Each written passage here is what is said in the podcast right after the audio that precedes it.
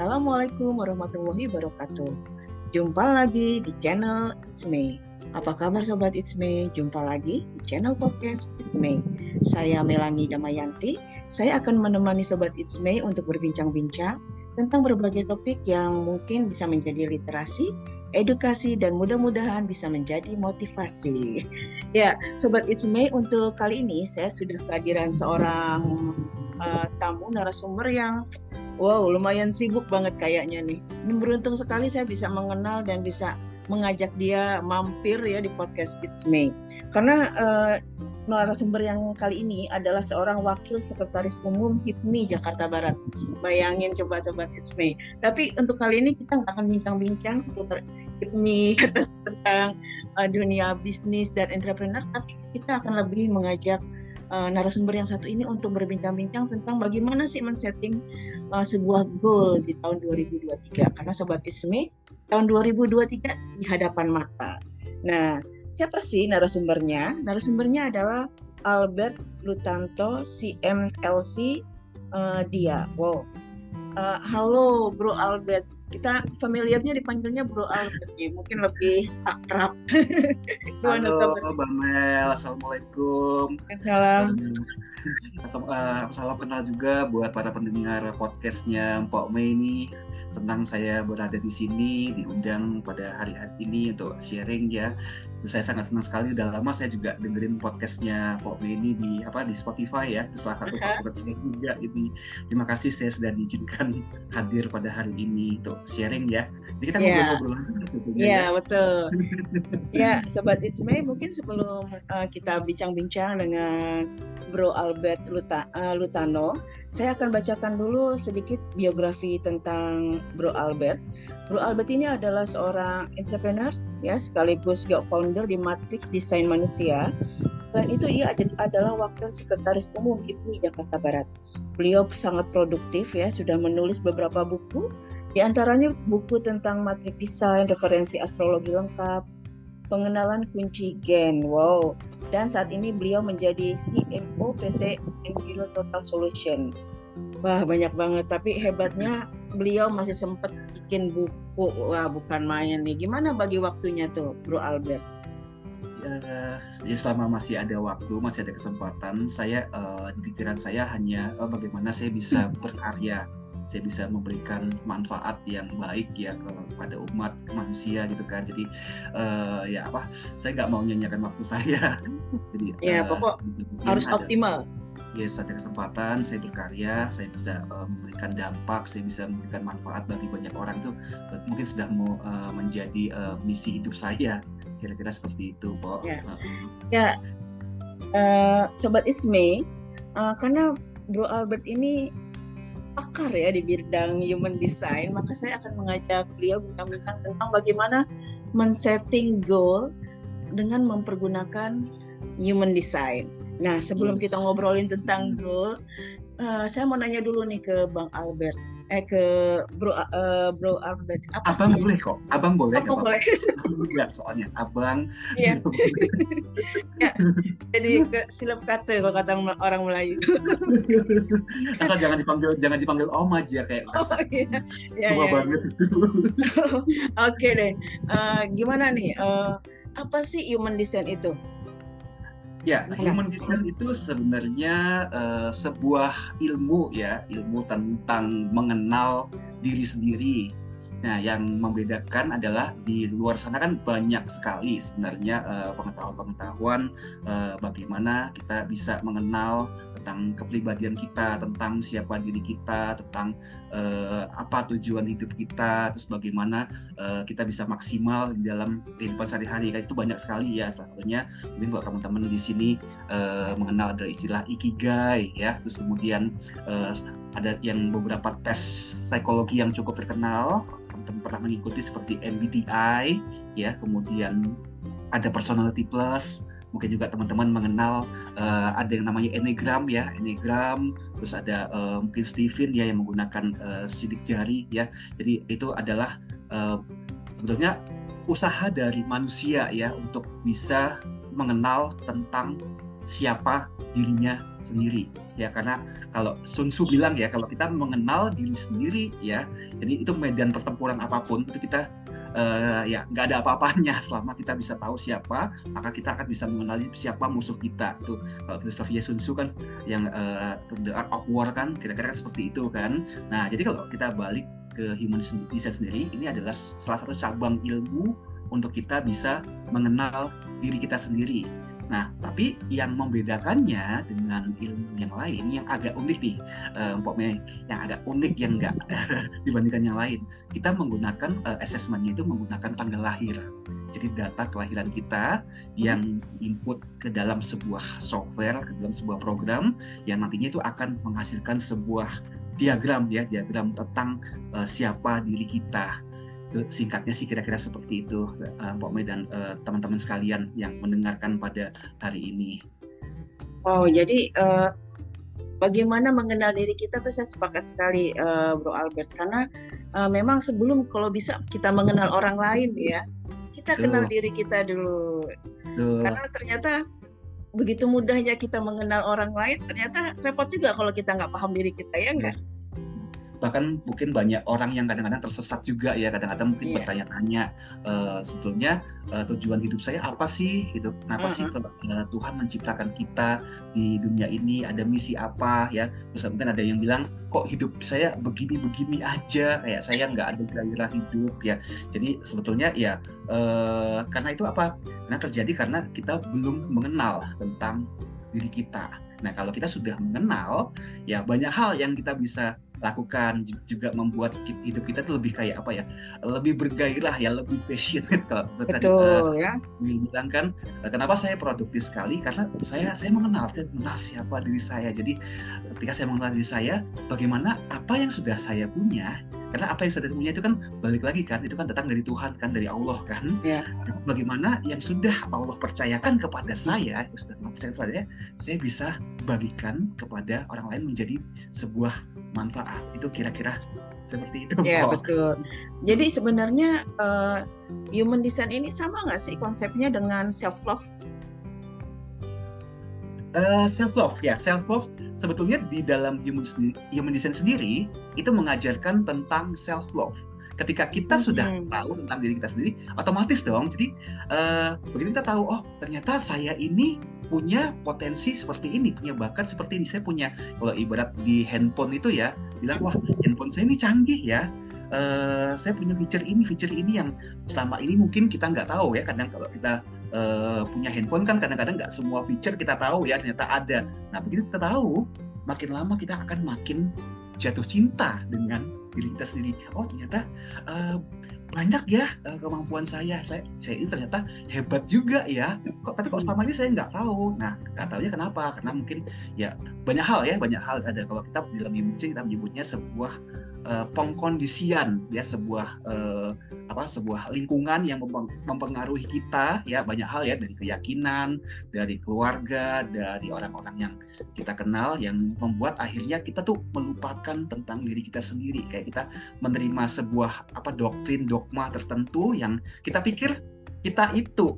Padahal mm-hmm. kita diciptakan seperti ini loh. Ya kira-kira seperti itu. Nah di human itu kayak kita dibuka semua tentang itu Nah, jadi kalau human design ini sebuah ilmu ya, Bang ya? Betul, betul. Sebuah ilmu. Nah, jadi apa sih yang bisa kita lakukan agar mungkin uh, kita bisa mengenal diri kita berdasarkan human design?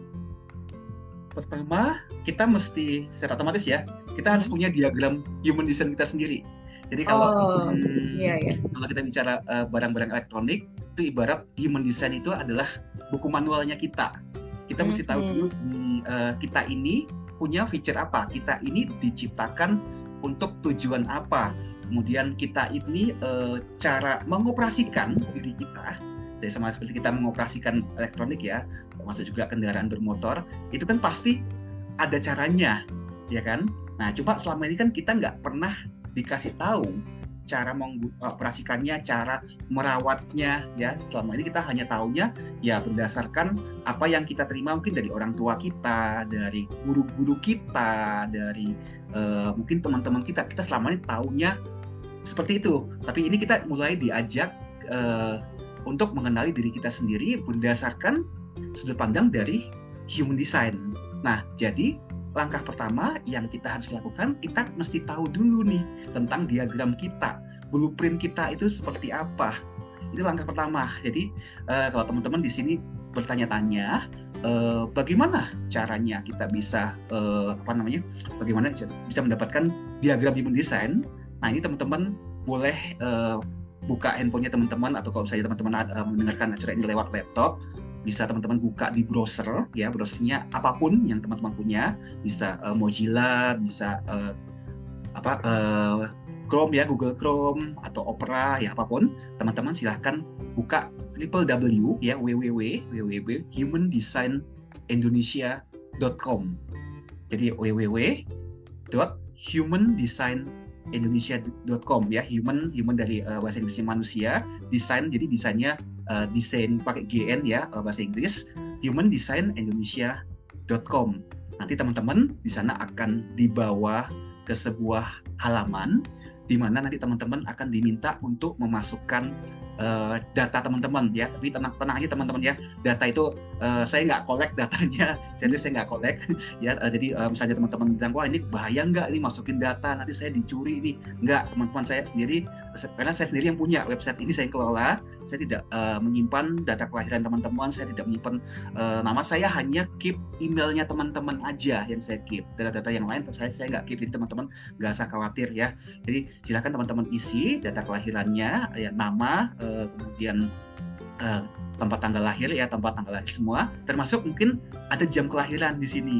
Oh. nah uh, uh, jadi kalau misalnya teman-teman bilang wah saya nggak tahu nih jam kelahiran saya. Saya uh, apa nggak tahu karena mungkin uh, sama orang tua saya, saya orang tua saya udah nggak ada. Jadi kan informasi hilang. Atau ketika saya buka di akte lahir saya di surat kelahiran saya itu juga nggak ada. Nah, kalau misalnya teman-teman tidak ada informasi apa pun terkait dengan jam lahir teman-teman, teman-teman gunakan jam 12 siang. Tapi kalau misalnya teman-teman dapat informasinya bilang, oh, oh kayaknya mama pernah bilang uh, jam saya lahirnya si uh, subuh, ya silahkan teman-teman uh, masukkan ya kita kita mungkin tanggal uh, jam 5 ya jam 5 pagi atau jam setengah 6 atau jam setengah 5 ya. Boleh teman-teman sekitar itu atau kalau misalnya menjelang maghrib ya teman-teman bisa buat jam 6 atau jam setengah 7 ya itu boleh ya. Nah jika teman-teman tidak mengetahui jam lahirnya teman-teman secara akurat nanti ada bagian dari laporan dari design itu yang mungkin teman-teman tidak bisa gunakan. Ya uh, karena uh, kemungkinan hasilnya nggak akurat. Tapi secara overall itu masih tetap bisa digunakan untuk gambaran besarnya untuk mengenal mengetahui diri kita semuanya uh, yang lebih besar uh, dalam cakupan gambaran besar itu masih bisa. Jadi teman-teman nggak usah khawatir kalau misalnya saya nggak tahu jam lahir saya buta sama sekali nggak apa-apa itu masih bisa. Nah nanti di halaman setelah teman-teman generate di situ ya teman-teman akan mendapatkan uh, tampilan itulah diagram human design kita ya. Kalau awal-awal mungkin teman-teman baru pertama kali mengenal pasti bingung ini apa? Ini kok ada seperti ini? Jangan khawatir teman-teman ya. Uh, teman-teman perhatikan dulu aja. Nah karena itu untuk pertama kalinya teman-teman akan melihat ini loh diagram mekanik dari diri saya dari tubuh dan jiwa kita seperti ini ya. Tinggal teman-teman baca. Ada beberapa istilah yang mungkin teman-teman di situ nanti bingung ya ini apa ya. Teman-teman nggak usah khawatir karena saya sudah sediakan teman-teman PDF laporan gratis. Jadi silahkan teman-teman segera scroll aja ke bawah. Jadi teman-teman bisa uh, ketemu perintah untuk unduh ya atau download. Itu ada tiga halaman reportnya gratis yang teman-teman bisa baca di situ. Kira-kira seperti uh, kira seperti itu. Itu kira-kira mbak uh, Bumi jadi uh, perhitungannya itu sebenarnya melalui mesin atau aplikasi ya, uh, Bro Albert? Ya, karena kita sekarang kan hidup di apa zaman modern ya, hmm. uh, ya. Jadi yeah. kita menggunakan software. Kalau kita seandainya mungkin kita hidup ya seribu tahun yang lalu ya, uh, itu kemungkinan besar kita akan menggunakan manual. Nah, mungkin Pak mungkin bertanya-tanya nih dan teman-teman di sini yang mendengarkan kita bertanya-tanya itu hitungannya dari mana ya kan saya kalau nggak salah ini deh uh, waktu di post blog uh, melakukan juga deh oh ya ada oh, ya kalau nggak salah di apa kalau nggak salah yang jaga ininya perempuan kan dua orang kalau nggak salah ya. Yes, ya yeah, yang di depan ya. Uh, uh, saya. saya tuh langsung diajak ke sana sama Mbak Bea kalau nggak salah Mas ah. langsung diajak dan dapat laporannya juga tuh. nah, uh, ini uh, Bro, kan ini berkaitan dengan kadang kadang-kadang orang itu suka agak sedikit pesimis atau pengen tahu gitu ya. Itu kan melakukan ibaratkan analisa dan sebagainya itu kan mesin. Nah, untuk sejauh mana sih tingkat kedekatannya, akuratannya gimana nih? Kalau buat saya cukup akurat, tapi yang jelas saya tidak akan pernah mengklaim bahwa human design ini pasti dijamin 100% akurat. Saya saya nggak nggak nggak uh, saya nggak akan pernah mengklaim itu dan saya tidak akan melakukannya itu karena kalau bisa 100% akurat, wah itu itu kayak hebat banget ya kayak yeah. melangkahi Tuhan gitu kan seolah kita yeah, yang yeah. paling tahu segalanya ya kan. Tapi tadi di sini uh, ketika teman-teman sudah uh, mendownload laporannya teman-teman baca, mungkin teman-teman bisa nanti membandingkan dengan diri sendiri. Jadi sebetulnya cara untuk mengetahui ya ini akurat atau tidak adalah dengan mengcompare laporannya laporannya teman-teman dapatkan ini dengan keseharian dari kehidupan kita. Kira-kira seperti itu jadi untuk mengetahuinya. Nah kalau mungkin buat teman-teman yang bertanya-tanya ini hitungannya dari mana? Ya terus terang ini sebetulnya human design itu kan merupakan gabungan dari ilmu kuno ya kalau ilmu kuno uh, ada beberapa yang menyebutnya istilahnya ilmu esoterik ya yang sudah ada ribuan tahun yang lalu ya sejak zaman nenek moyang kita dulu masih uh, meneliti bintang ya. Jadi esoterik itu pengetahuan apa ya bang? Mungkin uh, bisa uh, sobat Ismi bertanya-tanya bertanya-tanya. Kuno. Oh iya tentang apa tuh? kuno pengetahuan kuno. Jadi uh, human design itu itu perpaduan antara uh, pengetahuan kuno dan pengetahuan modern dan hmm. pengetahuan kunonya ini juga terdiri dari berbagai macam ilmu juga. Terus terang dari dari dari ilmu barat sama ilmu timur. Ilmu timur tengah juga ada ya. Misalnya contohnya kalau kita bicara uh, uh, apa kita bicara untuk ilmu esoteriknya atau ilmu kunonya human design itu diambil dari empat macam ilmu. Yang pertama itu diambil dari astrologi ya astrologi oh, barat. Okay. Nah, nah astrologi ini bukan yang teman-teman bayangkan. Oh uh, saya lahir bulan Agustus maka bintang bintangnya saya ini Leo ya yeah, saya yeah. lahir uh, saya sekarang nih 23 Desember ya saat kita melakukan podcast ini ya uh-huh. ada bayi lahir sekarang nih 23 Desember jam 8 malam oh itu bintangnya adalah Capricorn yeah. ya karakternya Bukan, seperti itu, ini. Karena orang kan bayangin astrologi kan ya itulah horoskop yang kalau kita kalau dulu zaman saya uh, remaja dulu ya sekolah dulu ya itu ada namanya planet remaja ya di apa antv ya dulu zaman dulu ya. Terus saya kadang-kadang suka nunggu-nunggu nih. Jadi karena di bagian akhir acaranya nih bintang ini ya minggu ini asmaranya begini rezekinya begini. nah ini bukan ya bukan. Ini uh, astrologi yang saya maksudkan ini jauh jauh lebih kompleks dibandingkan yang sudah kita kenal ya. Nanti uh, kapan-kapan nanti kita kalau ada waktu berjumpa nanti kita saya bisa sharing banyak tentang ini. Nah itu astrologi Kemudian kalau uh, teman-teman yang mungkin uh, pernah mengikuti kayak acara meditasi, uh-huh. ya meditasi mindfulness, mungkin sedikit banyak teman-teman akan diperkenalkan dengan istilah cakra, ya bahwa oh, yeah. manusia ada ada tujuh cakra. Jadi kalau teman-teman yang masih bingung apa ini, mungkin boleh nonton ini, uh, Mpok Mei, apa film Naruto. Oh iya. itu sering diceritakan nih cakra ini cakra ini tuh ada ada di filmnya Naruto. Oh, nah, kalau Naruto kan lebih ke tenaga angin. Tenaga, ya ya ya. Tenaga ya, ini kan elemen kan ya, ada ada ada di bumi. Kan ya. itu digunakan. Nah ini Naruto ini juga sebenarnya kalau kita bicara Naruto ini seru juga. Karena ini sebenarnya diambil dari ilmu esoteris. Ilmu yang apa atau ilmu pengetahuan yang sudah ada ribuan tahun yang lalu. Ya diperkenalkan di dalam bentuk uh, anime yaitu Naruto ini. Kira-kira gitu. Nah jadi uh, bagian kedua dari design diambil dari uh, pengetahuan ilmu cakra ya ilmu cakra dari India yang tadinya uh, kita manusia mengenal tujuh cakra. Nah human ini uh, kita uh, apa kita uh, ya ada sembilan ya bukan lagi tujuh tapi sembilan. Nah itu baru uh, ilmu keduanya ya. Jadi ini sebenarnya cukup lumayan banyak ya. Nah yang ketiga itu diambil dari uh, ilmu Kabalah ya, Kabalah Kabalah itu dari uh, Yahudi kuno ya. Jadi Tree of Life. Jadi, nah yang keempat itu diambil dari ilmu timur, yaitu dari dari Tiongkok kuno. Kalau teman-teman pernah dengar istilahnya uh, I Ching ya I Ching mm -hmm. atau I Ching nyebutnya ya uh, kalau teman-teman ke Gramedia ada tuh namanya I Ching Kitab Perubahan. Nah itu mengandung kurang lebih ada 64 64 uh, apa 64 uh, 64 bagian ya. Dan I Ching ini inilah yang hari ini itu digunakan menjadi dasar seluruh ilmu metafisika yang ada di dunia ini. Entah itu kita nyebutnya Pak Ce ya, Pak Ce atau basi ya biasanya orang-orang apa itu basi atau Pak Ce, kemudian ada Ciwe itu Ciwe itu show itu uh, astrologinya Chinese, kemudian ada yang kita kenal lagi satu lagi Cimen Tucia ya. Itu seluruh ilmu uh, dan Feng Shui juga ya Feng Shui Cimen, Cimen itu sama ya.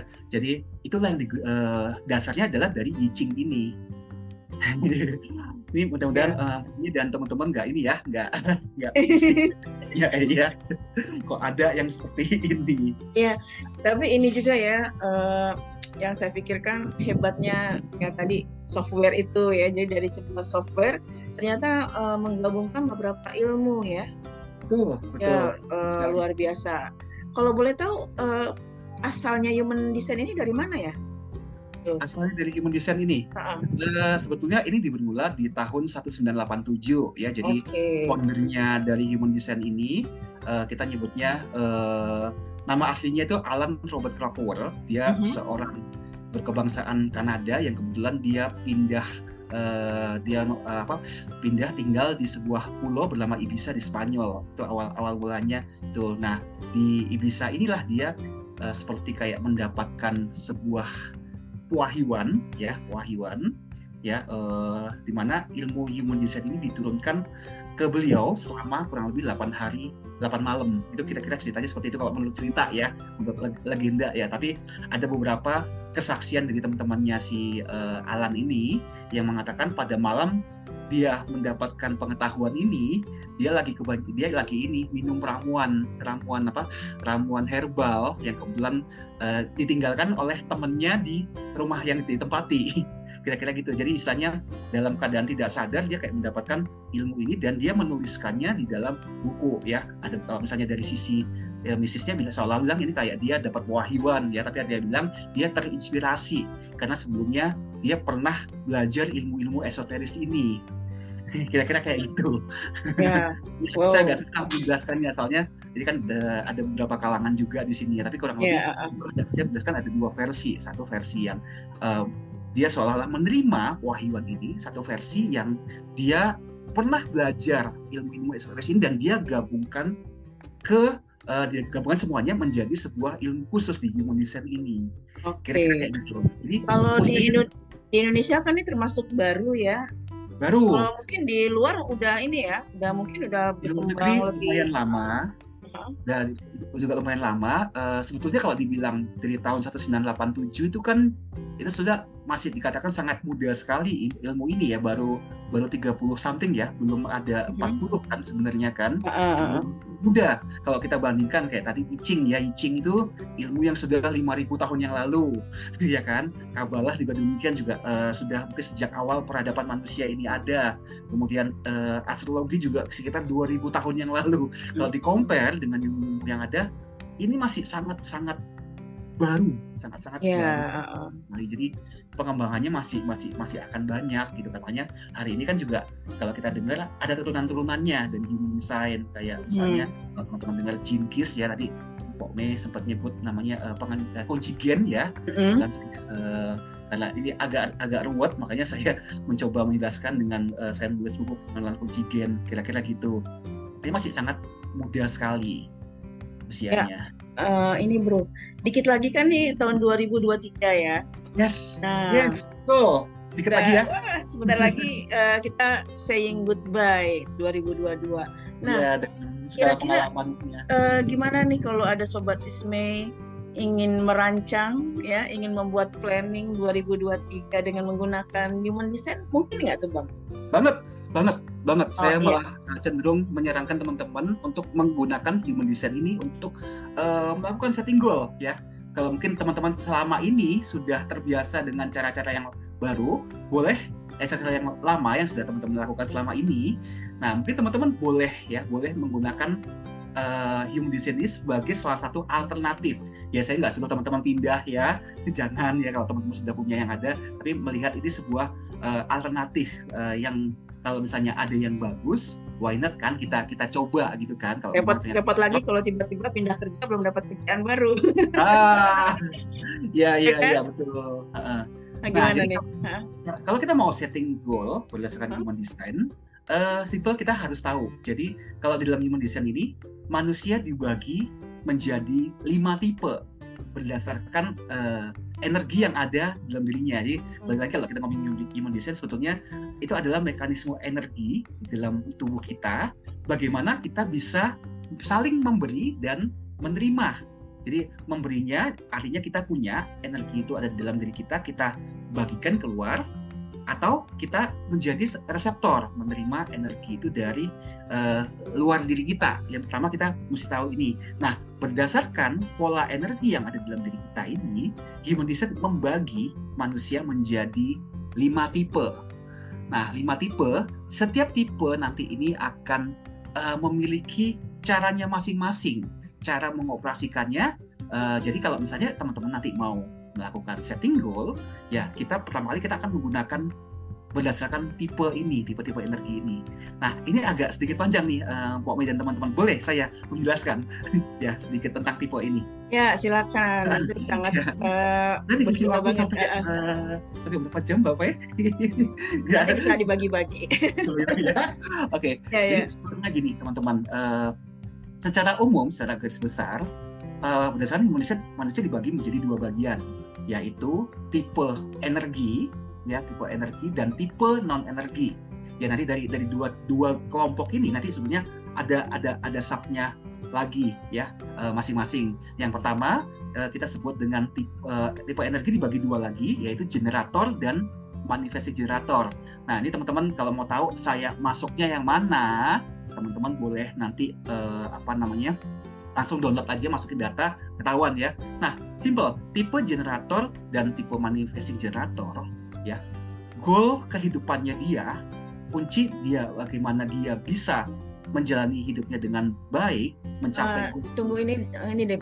Tadi kan ada tipe ini apa generator Betul. dan apa? Manifesting generator. Uh, nah, itu uh, apa tuh? Oh, seperti apa ciri-cirinya gitu loh. Oke, okay, ciri-cirinya singkat ya. Eh, ciri-cirinya kalau kita melihat di chart diagram, diagram diagram uh, human design kita, nah itu ada pusat namanya pusat energi yang kita sebut dengan sakral. Itu sakral itu biasanya posisinya nomor dua dari bawah. Itu namanya sakral, biasanya warnanya merah ya. Nah, kalau posisi, jadi gini, di dalam human design kalau kita lihat diagram, itu ada sembilan pusat energi, ya ada yang berwarna, ada yang putih. Ya, warna nggak nggak masalah ya, warna bisa mungkin kuning, hijau, uh, coklat itu nggak ada masalah. Yang saya maksudkan ini berbedanya adalah yang berwarna dan yang warna putih. Nah, semua generator atau semua tipe energi ya, di dalamnya ada generator dan manifesting generator pasti uh, pusat energi sakralnya berwarna atau dia aktif. Aktif artinya uh, ada uh, dia punya pusat energinya dia menjadi pusat energi yang dia cancarkan keluar. Nah makanya ciri-ciri dari orang generator dan orang manifesting generator itu adalah mereka bisa dikatakan gila kerja ya. Karena tugas mereka adalah mengeksekusi pekerjaan di dunia ini. Mm-hmm, ya yeah. jadi uh, apa kayak energinya itu nggak ada habis-habisnya ya. Kalau misalnya zaman dulu kan ada iklan energizer kan dan terus dan terus dan terus itu dia nggak ada habisnya ya uh, diajak begadang oke okay, diajak ke mana yuk gitu kan. Nah hmm. kan ada tipe manusia yang nggak seperti ini ada yang ah sebentar ya uh, saya istirahat dulu ya. Ya saya saya keluar dulu hirup udara segar saya uh, mau ngerokok dulu lah istirahat dulu kan. Tapi ada yang bisa diajak terus ya. Nggak istirahat nggak apa-apa pokoknya kita selesaikan dulu kita uh, pantang pantang mundur kalau belum selesai ya. Ada yang seperti itu. Nah itu biasanya pasti uh, generator sama MG ya mas generator.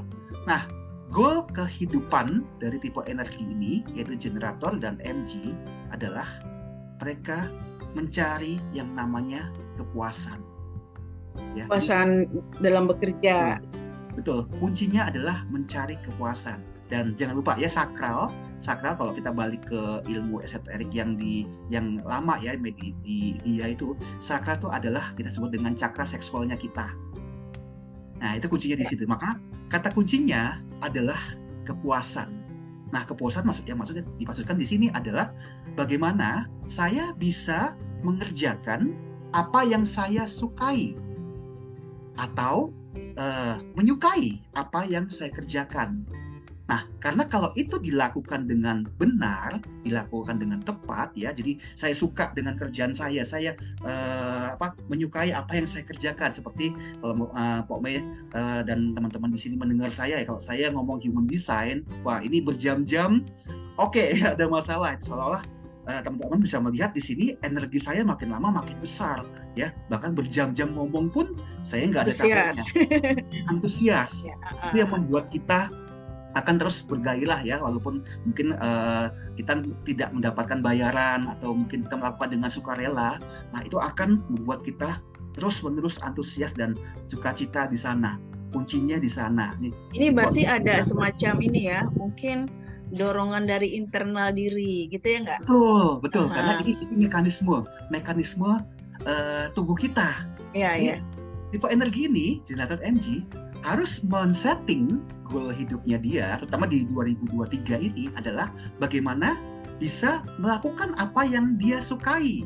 Ya, tapi kadang-kadang yang kita yang namanya hidup ya, nggak selalu semua yang kita sukai kita bisa lakukan kan, bener nah, ya? Tapi uh, mungkin ya. ini juga saya mau nanya juga nih, hmm. apakah tipe-tipe itu serta merta sendirinya terjadi atau mungkin berdasarkan uh, perjalanan hidup orang sehingga oh misalnya orang ini kan tertempa banyak masalah jadi dia akan cenderung ke tipe generator atau ke MG gimana nih Enggak, kalau tipe-tipe itu, tipe-tipe uh -huh. generator MG, kalau ener, uh, yang non energi ada namanya manifestor, reflektor, uh -huh. dan proyektor, uh -huh. itu sudah sejak lahir. Nah, oh. Nah, kenapa, sejak oh, lahir? Udah nempel dari lahir ya? Ya, udah nempel dari oh. lahir karena ada pengaruh dari benda langit ya ke sana. Oke, okay, uh, uh. Ini ceritanya panjang sih energi benda langit itu yang mengimprint DNA kita menjadi uh, kita menjadi tipe seperti itu. Jadi kalau saya ceritain bisa bisa lumayan panjang. Jadi kayak mm-hmm. singkatnya seperti itu. Jadi, nah yang Pok Mei sampaikan tadi bahwa apakah mungkin itu berubah ya karena uh, apa namanya uh, pengalaman hidup kita, terus kondisi lingkungan kita ini yang selalu saya sebut dengan istilah uh, conditioning ya di hmm. sini. Hmm. Ya uh, itu bisa bisa bisa terjadi ya bisa terjadi. Tapi kalau kita ngomong tipe energi itu tidak kebanyakan tidak akan berubah. Memang dari bawaannya dari asalnya dia adalah uh, seorang yang energinya luar biasa besar ya dan memang goal hidupnya harus mereka dirancang untuk mencari kepuasan ya kepuasan dalam bekerja kepuasan dalam hal uh, seksual ya karena mereka diciptakan seperti itu mereka dikerja uh, diciptakan untuk bagaimana mereka memutar perekonomian di dunia ini. Mereka diciptakan untuk tanda kutip ya berkembang biak menghasilkan keturunan. Sehingga uh, kelangsungan dari kehidupan manusia ini tetap ada. Itu tipe energi, tipe generator dan tipe MG ini. Nah, jadi ya kembali lagi ya, teman-teman adalah tipe generator atau tipe manifesting generator, waktu teman-teman membuat men-setting goalnya teman-teman, maka lakukanlah dengan uh, selaras apa? Jadi dengan bagaimana teman-teman menyukai apa yang teman-teman nah, action plan-nya itu sesuatu yang teman-teman nggak sukai karena itu akan membuat energi teman-teman jadi drain, jadi jadi apa namanya, jadi terkuras, jadi mudah capek. Jadi kalau sudah seperti itu, ya nggak punya daya, nggak punya energi, ya untuk uh, terus melakukan uh, apa, melakukan action ya untuk mencapai goal-goal teman-teman ya akhirnya ya sudah kejadian lagi seperti nanti tahun-tahun sebelumnya oh saya nggak capai goal saya ya kan ya. teman-teman punya goal dibagi-bagi dulu ya dipotong-potong dulu nah goal-goal ya. kecilnya ya. adalah melakukan yang teman-teman sukai kira-kira ya, begitu. Saya sepakat banget nih, uh, Bro Albert. Karena memang uh, kalau kita melakukan sesuatu dan kita senang, itu perasaan lebih enteng dan kita oh. bahagia menjalaninya itu loh yang penting. Betul, betul. Tapi kalau kita kan, melakukan sesuatu yang tidak kita sukai, uh, uh, ya, ada, nah benar. Terpaksa. Ya. Jadi sebenarnya rasa cinta terhadap sesuatu yang sedang kita jalani atau mungkin yang akan kita capai itu penting banget ya. Betul, betul sekali. Nah itu ya teman-teman, kalau misalnya teman-teman generator atau manifest generator, selaraskanlah goalmu dengan uh, mekanisme mekanisme dari tipe human designmu yaitu menyukai apa yang teman-teman sukai ya teman-teman kerjakan dan mengerjakan apa yang teman-teman sukai ya. Itu adalah kuncinya ya bagi tipe energi. Nah nanti tapi ini... ada nggak uh, kadang-kadang ini juga loh dilema ya bro ya. Uh, banyak orang yang mungkin tidak karena keadaan dia bingung. Dia Nggak menyukai ya? ya menyukai uh, menyukai sesuatu tapi dia merasa tapi kok sulit? Itu gimana tuh? Dihadapkan pada realita yang uh, apa dia tidak menyenangi sesuatu tapi dia tuh sudah dapat. Gimana tuh kalau kayak gitu? Nah itu. Ya itu banyak sekali kita juga juga kan yeah, yeah. ya uh, sesuatu yang tidak disukai ya dia harus lakukan. Karena apa? Karena pekerjaan itu yang sekarang yang dilakukan ini adalah ya itu menjadi uh, sumber penghasilannya dia untuk menghidupi diri. Kadang-kadang seperti itu ya. Nah tapi yang kalau kita lihat ya kalau kita terpaksa ya kalau terpaksa yang terjadi itu tadi ya pasti kita drain ya kita nggak ada semangat untuk melakukannya. Nah kalau situ sampai terjadi adalah kuncinya bagaimana kita mulai belajar untuk menyukai apa yang kita kerjakan. Ya kan? Jadi memang memang awalnya awalnya itu akan berat akan susah sekali. Ya gimana sih saya dipaksa melakukan ini ya. Nah tapi mari coba kita naikkan sedikit kesadaran kita bahwa uh, ya saya terpaksa tapi yang saya lakukan ini adalah ini yang menghidupi saya yang membuat saya hari ini tetap bisa ya apa apalagi kalau kita punya tanggungan ya eh, ada mungkin orang tua kita mungkin keluarga kita istri eh, suami atau anak-anak ya di situ uh, maka teman-teman harus belajar menaikkan kesadaran bahwa ya mau nggak mau mau nggak mau suka nggak suka ya saya harus belajar menyukai apa yang saya kerjakan ini. Dan ketika teman-teman bisa memiliki kesadaran seperti itu nah maka teman-teman akan mulai menerima. Oke okay, saya harus kerjakan ini. Ya saya uh, dan saya belajar bagaimana menyukainya. Kayak istilahnya apa ya kalau zaman dulu tuh apa ya istilahnya hmm, apa kok meh itu kalau orang Jawa bilang cinta itu datang karena terbiasa. Oh, oh Witing Trisno Jalaran Sukokulina. Nah, jadi suka ini nih ya, jadi suka uh-huh. jadi cinta uh-huh. karena apa? Karena sudah terbiasa. Yeah, nah, yeah. untuk membiasakannya inilah ini yang ya, ya memang nggak gampang, memang nggak nggak uh-huh. mudah ya. Uh-huh. Nah, tapi teman-teman harus ya mulai memiliki namanya penerimaan dulu. Kalau teman-teman nggak nggak ada penerimaan, susah. Jadi kayak kita denial, nggak saya nggak suka, ya saya kepaksa ini. Ya kalau teman-teman punya mindset seperti itu denial denial terus ya sampai kapan pun teman-teman nggak akan suka dengan apa yang dikerjakan. Ya ujung-ujungnya ya apa uh, drain kan? Nah, kalau memang benar-benar nggak suka ya kenapa teman-teman nggak pindah? Cari yang lebih baik. Harusnya kan di luar sana kan pasti banyak banyak peluang. Apalagi kalau kalau kita teruskan generator dan manifest generator itu attract loh. Attract yang namanya peluang. Attract namanya kesempatan nih nih saya nggak mungkin nggak masuk ke sana terlalu terlalu jauh ya. Jadi kuncinya itu ya menerima uh, uh, terpaksaan itu dan mulai belajar menyukai apa yang teman-teman lakukan ya setuju. Apa juga kadang-kadang uh, ini juga ya uh, bisa juga kita menyenangi sesuatu sesuatu itu perlu kita perjuangkan. Betul. Ya jadi karena lika-liku setiap orang mungkin beda-beda kan ya.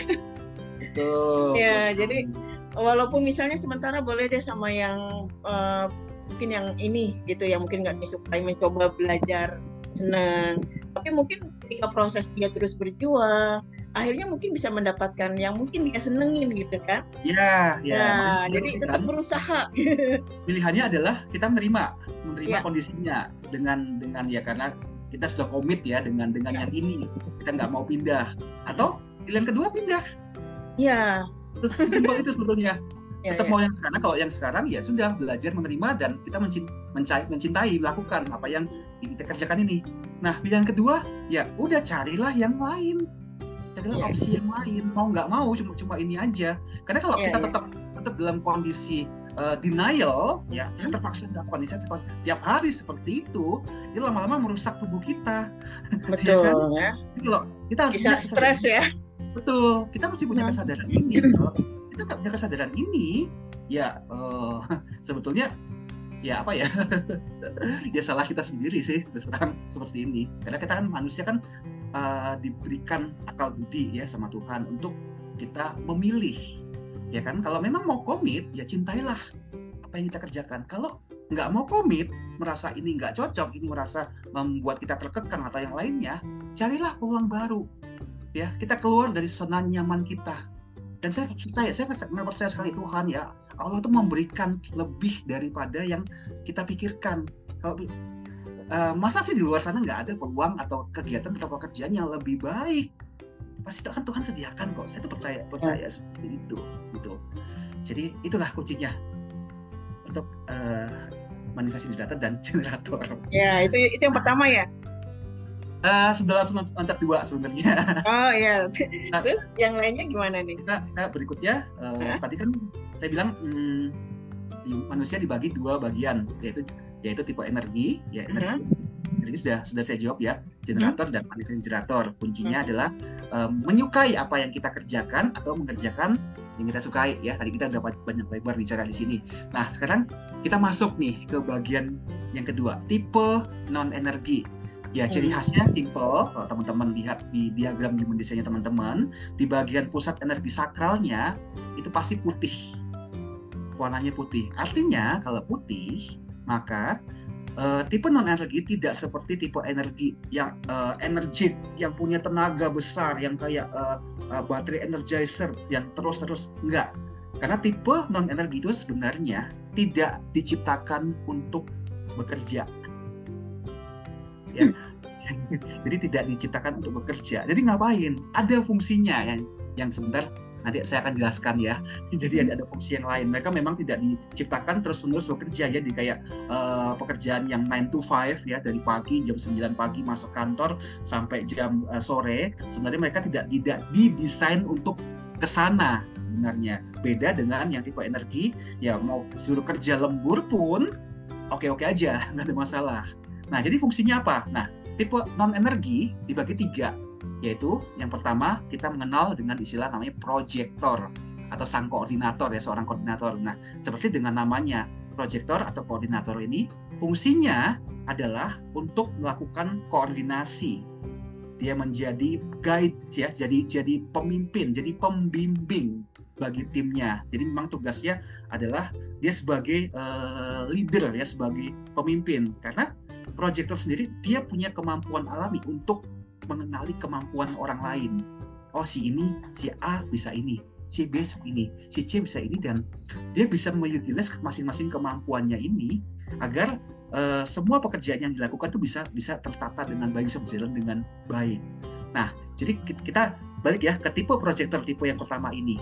Tipe proyektor punya goal adalah sukses. Ya, sukses goal dari seorang presiden adalah sukses. Nah, ini yang selama ini diadopsi oleh ya uh, banyak ya banyak banyak motivator dan banyak uh, pengetahuan umum di luar sana bahwa hidup itu harus sukses ya. Ya kita juga kadang-kadang kadang suka salah kaprah salah kaprah juga ya. Kadang-kadang kita mendoakan semoga hidupmu sukses semoga berhasil ya. Jadi kalau menurut mekanisme dari human design sebenarnya tidak semua manusia adalah goalnya diciptakan untuk sukses. Tadi mungkin teman-teman dan Pak Mistri sudah mendengar ya, tipe generator tidak diciptakan untuk sukses. Tipe generator diciptakan, didesain untuk mendapatkan kepuasan. Yeah. Apa? Kepuasan bekerja, kepuasan uh, yang melakukan apa yang dia sukai ya.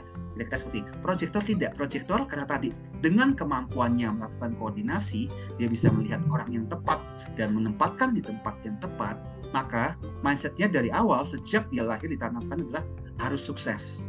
Saya harus bikin koordinasi ini, project ini harus sukses di tangan dia. Nah, jadi teman-teman proyektor, ketika teman-teman ingin uh, melakukan goals setting, nah ini teman-teman boleh nih ya membuat ancang-ancang bahwa goal akhir ini di misalnya di 2023 ya akhir tahun saya harus capai sekian harus capai uh, saya harus bisa punya ini punya ini. Nah itu adalah goalnya goalnya si proyektor kalau kalau misalnya uh, teman-teman menempatkan goalnya proyektor ini ke uh, apa tipe energi Jakarta dan MG nah jadi capek nanti malahan. Karena nggak didesain itu. Karena didesainnya untuk mencari kepuasan yang tipe energi. Proyektor enggak nah proyektor boleh langsung setting goal ya.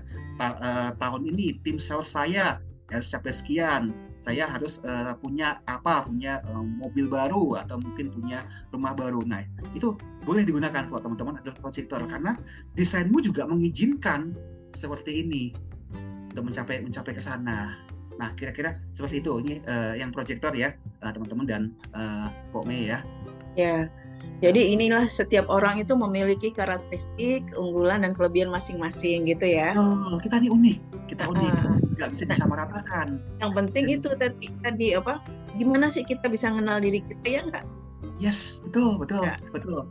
Dan tidak memang tidak bisa disamaratakan ya kan? Benar. Kan, kalau kita ngomong kesuksesan, apa sih arti kesuksesan kan? Arti kesuksesan uh, bagi Mbak uh, Pok Mei dengan Albert Utana pasti beda. Ya, kesuksesan ya, versi, nah, kesuksesan versi saya adalah ketika saya bisa memberikan manfaat dan ketika hmm. saya bisa memberikan manfaat, saya puas. Misalnya contoh saya puas, saya bisa mem membagikan uh, insight saya, pemikiran saya, pengetahuan dan pengalaman saya kepada orang banyak. Saya puas. Itu yang saya cari itu esensnya tapi mungkin bisa jadi Pok Mei ada teman-teman yang lain enggak oh sukses bagi saya adalah ketika saya punya saya berhasil mencapai sesuatu. Nah ini kan nggak nggak nggak bisa disamaratakan sebenarnya.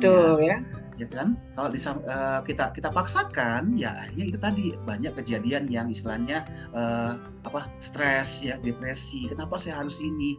Ini kan ini bukan mau saya. Mau saya adalah ini supaya saya bisa uh, mendapatkan kepuasan dalam hidup. Tapi saya dipaksa sama ya lingkungan orang tua untuk bisa capai ini. Dan saya nggak ke sana. Nah itu yang dimaksud dimaksudkan di sini yang yang kita uh, bincangkan malam hari ini. Nah ini proyektor ya uh, Pak Mei ya teman-teman. Ya, uh -uh. nah kemudian masih ada dua lagi ini mudah-mudahan oh, apa tuh? Ya. Nah yang yeah. dua lagi itu adalah tipe manifestor dan tipe reflektor ya Manifestor hmm. dikenal dengan istilah inisiator. Itu sama, ciri khasnya dia punya uh, sakral, sanduri sakralnya dia putih. Yang membedakan adalah uh, si manifestor atau inisiator ini uh, pusat energi di tenggorokannya itu terpasti terkoneksi dengan pusat energi motor. Nah ini apa mungkin nanti kita bahas nextnya ya. ya uh, teman-teman mau tanya-tanya, saya masuknya apa ya tinggal uh, buka di indonesia.com ketahuan kan di situ uh, tipe-tipenya apa. Nah, bagi seorang manifestor, desain hidupnya dia itu adalah diciptakan untuk memberikan dampak bagi orang lain. Ya, tadi tipe energi kita udah tahu ya, kepuasan, proyektor adalah sukses, harus berhasil. Yang kedua, yang manifestor ini diciptakan untuk memberikan dampak kepada orang lain. Dia akan merasa bahagia damai ketika hidupnya itu berarti bagi orang lain. nah, jadi kalau teman-teman di sini adalah tipe uh, manifestor atau inisiator tadi, maka ketika teman-teman men-setting goalnya teman-teman di 2023, pastikan goalmu adalah sesuatu yang akan bermakna bagi orang, memberikan manfaat dan memberikan dampak bagi orang lain kuncinya di situ maka dirimu akan merasakan energi yang lebih ya pokoknya aku akan memberikan dampak aku akan memberikan manfaat bagi orang lain itu yang mendatangkan kebahagiaan dalam diri saya membuat hidup saya berarti hidup saya bermakna tapi uh, bisa seperti ini nggak uh, bro Yes. Yang bisa melakukan itu apabila mungkin secara ekonomi sudah terpenuhi. Berpengaruh uh, bisa nggak seperti itu? Karena kadang-kadang uh, dalam kenyataan hidup, kalau seandainya banyak orang yang secara ekonomi belum terpenuhi, dia pasti akan mengejar kebutuhan dasar dulu. Pasti. Nah, nah jadi setelah itu sudah dia terpenuhi, barulah mungkin dia bisa mendapat manfaat dan mungkin kalau berlebihnya banyak, mungkin dia bisa keluar dari zona nyaman ya. karena dia uh, walaupun keluar dari zona nyaman dia tetap nyaman gitu.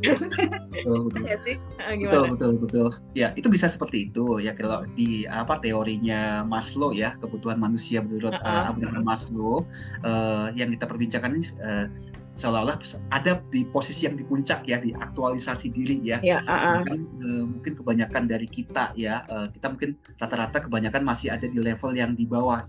Uh, we talk about kita bicara tentang yang namanya survival kebutuhan dasar makan uh, minum ya yang basic-basic dulu ya. Nah tapi gini. Hmm, mungkin tidak semua orang ya uh, kepingin aktualisasi seperti mungkin yang sudah saya lakukan ya. Ada yang uh, mereka sekarang masih struggle di posisi yang bawah.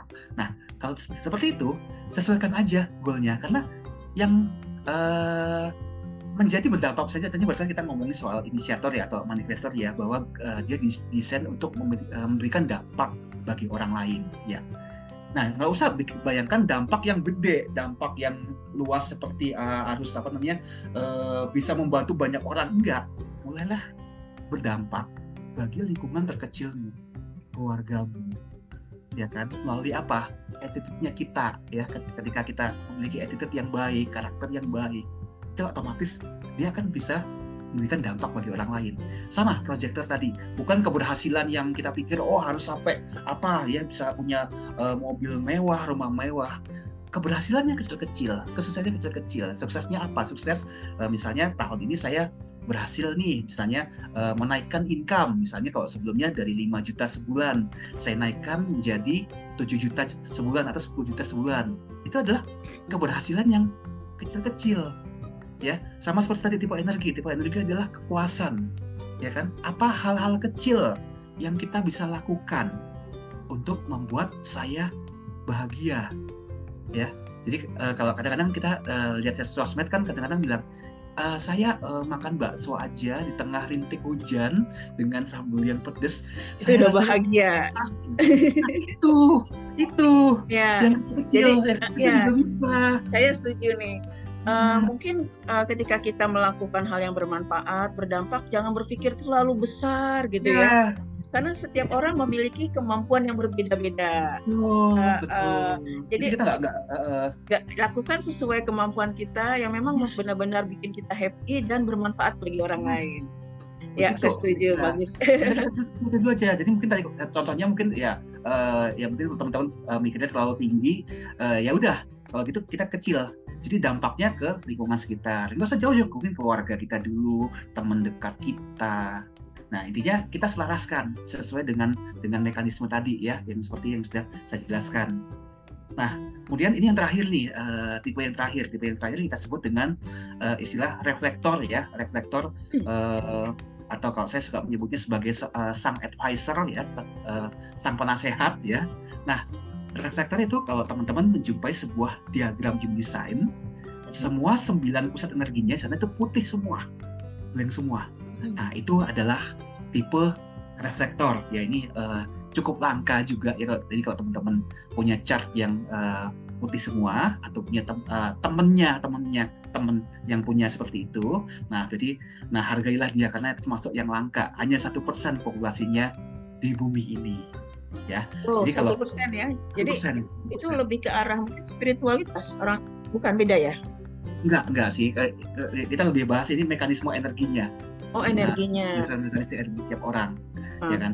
Nah, uh, reflektor dia uh, putih artinya dia sebagai reseptor. Dia bisa menerima energi dari luar dari orang lain. Energi itu apa sih? Kita bicara kayak pengetahuan, ilmu, ya seperti kayak kita ngobrol ini kan sebetulnya kan kita sedang membagikan energi kan, membagikan energi pengetahuan kita kepada orang lain, ya. Nah, bayangin reflektor putih semua, dia sebagai reseptor menerima, dia banyak menerima, banyak menyerap apa pun di sekelilingnya dia masuk semua ya entah itu baik entah itu uh, positif atau negatif dia akan masuk semua kalau dia berkesedaran tinggi, maka dia bisa filter mana yang positif, mana yang negatif. Nah, kalau teman-teman reflektor, maka goal settingnya teman-teman itu adalah untuk menjadi seorang penasehat. Nah, oh, jadi, jadi lebih ke arah uh, orang ini mungkin lebih wise gitu ya? Ya, ya betul. Dia tidak akan kejar saya mau capai apa, enggak saya ingin puas enggak ya goal hidupnya adalah dia didesain untuk jadi seorang uh, seorang yang wise yang istilahnya mungkin dia bisa akan mengatakan pada dirinya ya saya melihat setiap hari ini adalah hal yang baru. Rezeki yang baru setiap hari, berkat yang baru setiap hari, sesuatu yang baru setiap hari. Nah, itu adalah reflektor. Jadi, dia akan menjadi seorang yang wise. Jadi, goal settingnya sebagai orang seorang reflektor adalah ya selaraskan bahwa saya didesain untuk menjadi seorang penasehat. Maka saya dalam apa pun yang saya lakukan, saya mesti filter ya mana yang uh, layak untuk saya bagikan keluar. Karena orang akan melihat diri saya sebagai seorang uh, seorang penasehat. Kira-kira begitu. Nah kira-kira begitu Mbak Mei di ya. teman-teman. Jadi kalau di human design itu uh, tergambar ya kita tipe yang mana gitu nggak bro? Nah, ada. Jadi kalau misalnya uh, Pok Mei dan teman-teman uh, buka indonesia.com sudah masukin data kelahiran, kemudian generate ya, langsung ketahuan bagian tipe. Oh. Tipe kita. Tipe itu ibarat kayak um, ibarat merek mo uh, mobil lah ya, mobil. Uh, saya masih ingat mobil pertama saya dulu kan uh, Avanza ya, Avanza manual ya. uh, apa papa saya juga punya satu mobil kijang ya kijang kapsul warna biru tuh ya. Dan kalau kita bandingkan dengan mobil-mobil yang sekarang yang sudah beredar yang sudah modern ya uh, nah kalau dulu dulu cara kita mengoperasikan mobil-mobil manual adalah apa? Kalau kita mau buka pintunya ya kita harus siap kunci nih tangan kita. Kita colok kita colok baru kita buka ya. Habis itu mau starter mesinnya juga harus colokin kunci kuncinya ke dalam uh, lubang kunci. Kita baru kita starter boom gitu kan. Nah sedangkan mobil-mobil yang hari ini yang sudah modern rata-rata nggak seperti itu lagi ya. Bahkan kita nggak perlu nyentuh remote kita untuk buka mobil. Ya cukup dengan uh, remote di, di, di kantong celana kita atau di tas kita ya kita buka pintu otomatis masuk. Demikian juga ketika mau starter mobil, tinggal tekan tombol, mobil itu menyala. Nah, tipe itu kira-kira seperti itu. Nah, kita tipe yang mana? Karena setiap tipe cara mengoperasikannya beda-beda, caranya menjalani hidup beda-beda, caranya untuk tadi ya seperti yang teman-teman sudah uh, ketahui, goal settingnya juga beda, ya kan nggak nggak bisa disamaratakan, kira-kira gitu gambarannya. Oh jadi awal untuk membuat goal setting itu adalah pahamilah dirimu sendiri Duh, ya. Paham dulu. Paham dulu. Yes. Nah, abis paham, next apa tuh? Kemudian mengikuti, mengikuti sesuai dengan desain kita. Aha. Generator, manifest generator adalah kepuasan. Hmm. Kepuasan. Kemudian proyektor adalah kesuksesan. Manifestor hmm. adalah uh, dia memberikan dampak kepada orang lain. Yang terakhir, yang kelima, reflektor adalah dia menjadi seorang penasehat yang melihat uh, kejutan yang baru setiap hari dalam dirinya. Nah, jadi kemudian ya setelah itu gimana? Selaraskanlah goalmu, ya. Jadi kalau goalmu yang tadinya saya mau, misalnya uh, kalian tipe uh, manifestasi generator dan generator ya, ya uh, goal kalian jangan lagi yang oh saya mau sukses saya mau berhasil saya mau capai ini tahun ini enggak ya. Tapi goalnya teman-teman mulai di, di, dicacah dipisah-pisah adalah uh, apakah yang saya akan kerjakan ini bisa memberikan kepuasan bagi diri saya? Jadi mulai dibalik ya kalau tadinya mau kita mikirnya mau sukses sukses mau berhasil mau berhasil adalah pertanyaan dibalik. Uh, apakah yang saya akan kerjakan ini di 2023 bisa mendatangkan kepuasan bagi saya ya kan kalau pertanyaannya berbeda, pasti nanti jawabannya berbeda, hasilnya pasti beda. Kalau teman-teman seorang proyektor, nah apakah yang saya lakukan di 2023 ini akan menuju kepada kesuksesan, keberhasilan yang saya mau? Bagi manifestor, pertanyaannya adalah eh, apakah yang saya akan kerjakan di 2023 ini bisa nggak berdampak bagi orang lain? Jadi diawali dengan pertanyaan ini dulu. Pertanyaan ini dulu baru kita bisa uh, setting ya. Jadi uh, lagi inilah cara kita men-setting goal kita di 2023 dan di tahun-tahun yang akan datang atau kalau misalnya teman-teman punya goal yang jangka panjang sesuai dengan desainnya diri kita. Kira-kira seperti itu. Ya jadi ini sekali lah uh, bro ya. Gimana ternyata proses memahami diri kita itu sesuatu yang mungkin nggak sederhana ya. karena kadang-kadang kita tadi yang di awal kita mudah menilai orang lain ternyata uh, diri sendiri tidak kita pahami gitu kan betul betul nah oh. Makanya di Indonesia kita diajak balik yuk balik yuk melihat ke diri kita ke siapa diri kita sih sebenarnya kan. Kita ini diciptakan apa sih ya kan? Karena kan selalu apa ya selalu kita hanya mendengar apa kata orang. Kalau menurut penelitian itu uh, uh, dibilang uh, ya hidup kita itu kadang-kadang karena apa? Karena mendengarkan mendengarkan melihat orang lain. Terus kemudian kita compare diri kita dengan orang lain. Itu yang ujungnya membuat kita jadi nggak bahagia kan? Padahal apa? Ya Tuhan sudah menciptakan kita supaya apa? Kita bisa enjoy kok di dunia ini. Kita bisa menikmati perjalanan hidup kita ya kan? Kira-kira seperti ya. itu.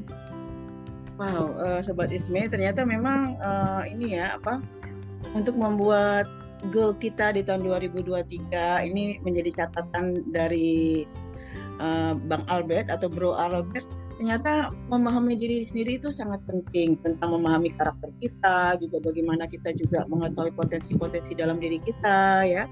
Nah jadi setelah itu baru kita bisa melangkah apa sih yang bisa kita lakukan. Nah uh, sobat Isme mungkin uh, yang ingin tahu nih ya lebih jauh tentang human design Bang Albert ini juga punya buku ya. Buku tentang human design. Mungkin bisa cerita dulu uh, Bro Albert tentang bukunya. Siapa tahu ada sobat Isme yang tertarik ya mau memiliki bukunya gimana nih bro?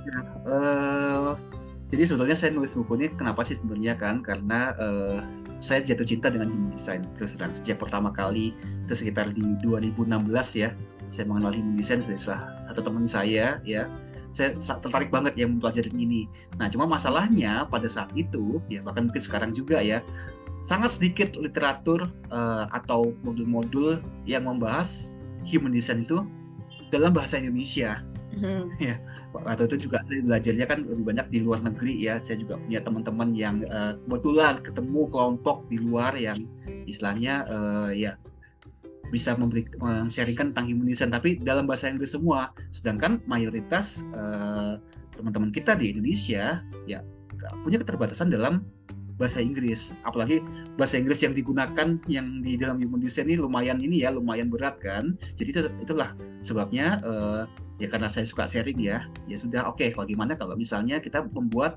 human design itu menjadi uh, sesuatu yang mudah dipahami dalam bahasa Indonesia? Itu awal awal mulanya sih seperti itu sih. Jadi proses uh, penerbitan buku itu tahun 2022 atau kapan tuh bang?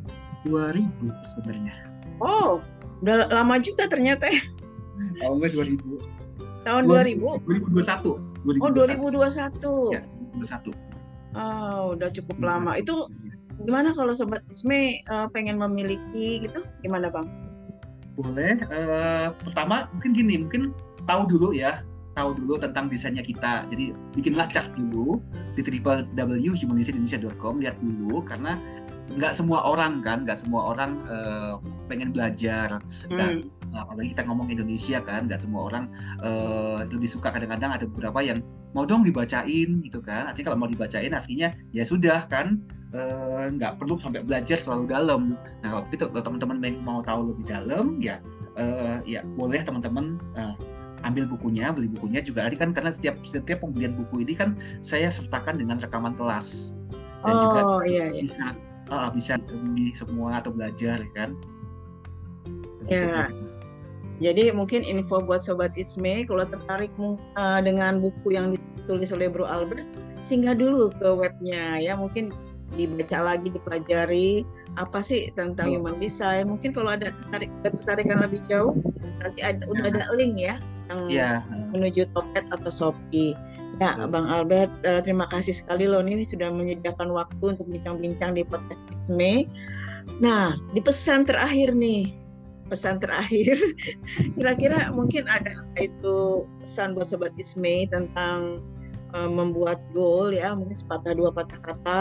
Itu bisa juga dalam bentuk quote ya. Silakan. Gimana? Kalau itu pakai quote sebuah tadi kan, ya. Tadi kan pakai uh, Suzu bagus tuh. Mungkin sekarang bisa mengeluarkan, uh, mengeluarkan yang lainnya gitu. Mengeluarkan yang lainnya. Mm-hmm. Uh, ya pesan saya cuma satu aja sih teman-teman. Uh, kenali dirimu dengan baik. uh, saya bersyukur ya hari ini uh, ada tool yang namanya human design ini dan uh, kebetulan mungkin salah saya salah satu uh, orang Indonesia yang mempelajari uh, human design ini cukup dalam ya jadi uh, ini memberikan sebuah perspektif baru tentang uh, bagaimana kita mengenal diri sendiri bahkan sampai di level dalam ya. Jadi kalau saran saya adalah uh, uh, kenali dirimu ya. Teman-teman bisa gunakan macam-macam macam-macam yang uh, apa berbagai macam metode ya. Nah human design ini salah satu alternatif yang saya sangat sukai karena ini tidak dipengaruhi oleh kesadaran kolektif ya dengan uh, apa tentang keyakinan tentang kepercayaan apa. Jadi uh, human design itu tidak ada kaitan dengan agama atau percaya itu enggak ya enggak ada ya teman-teman ya.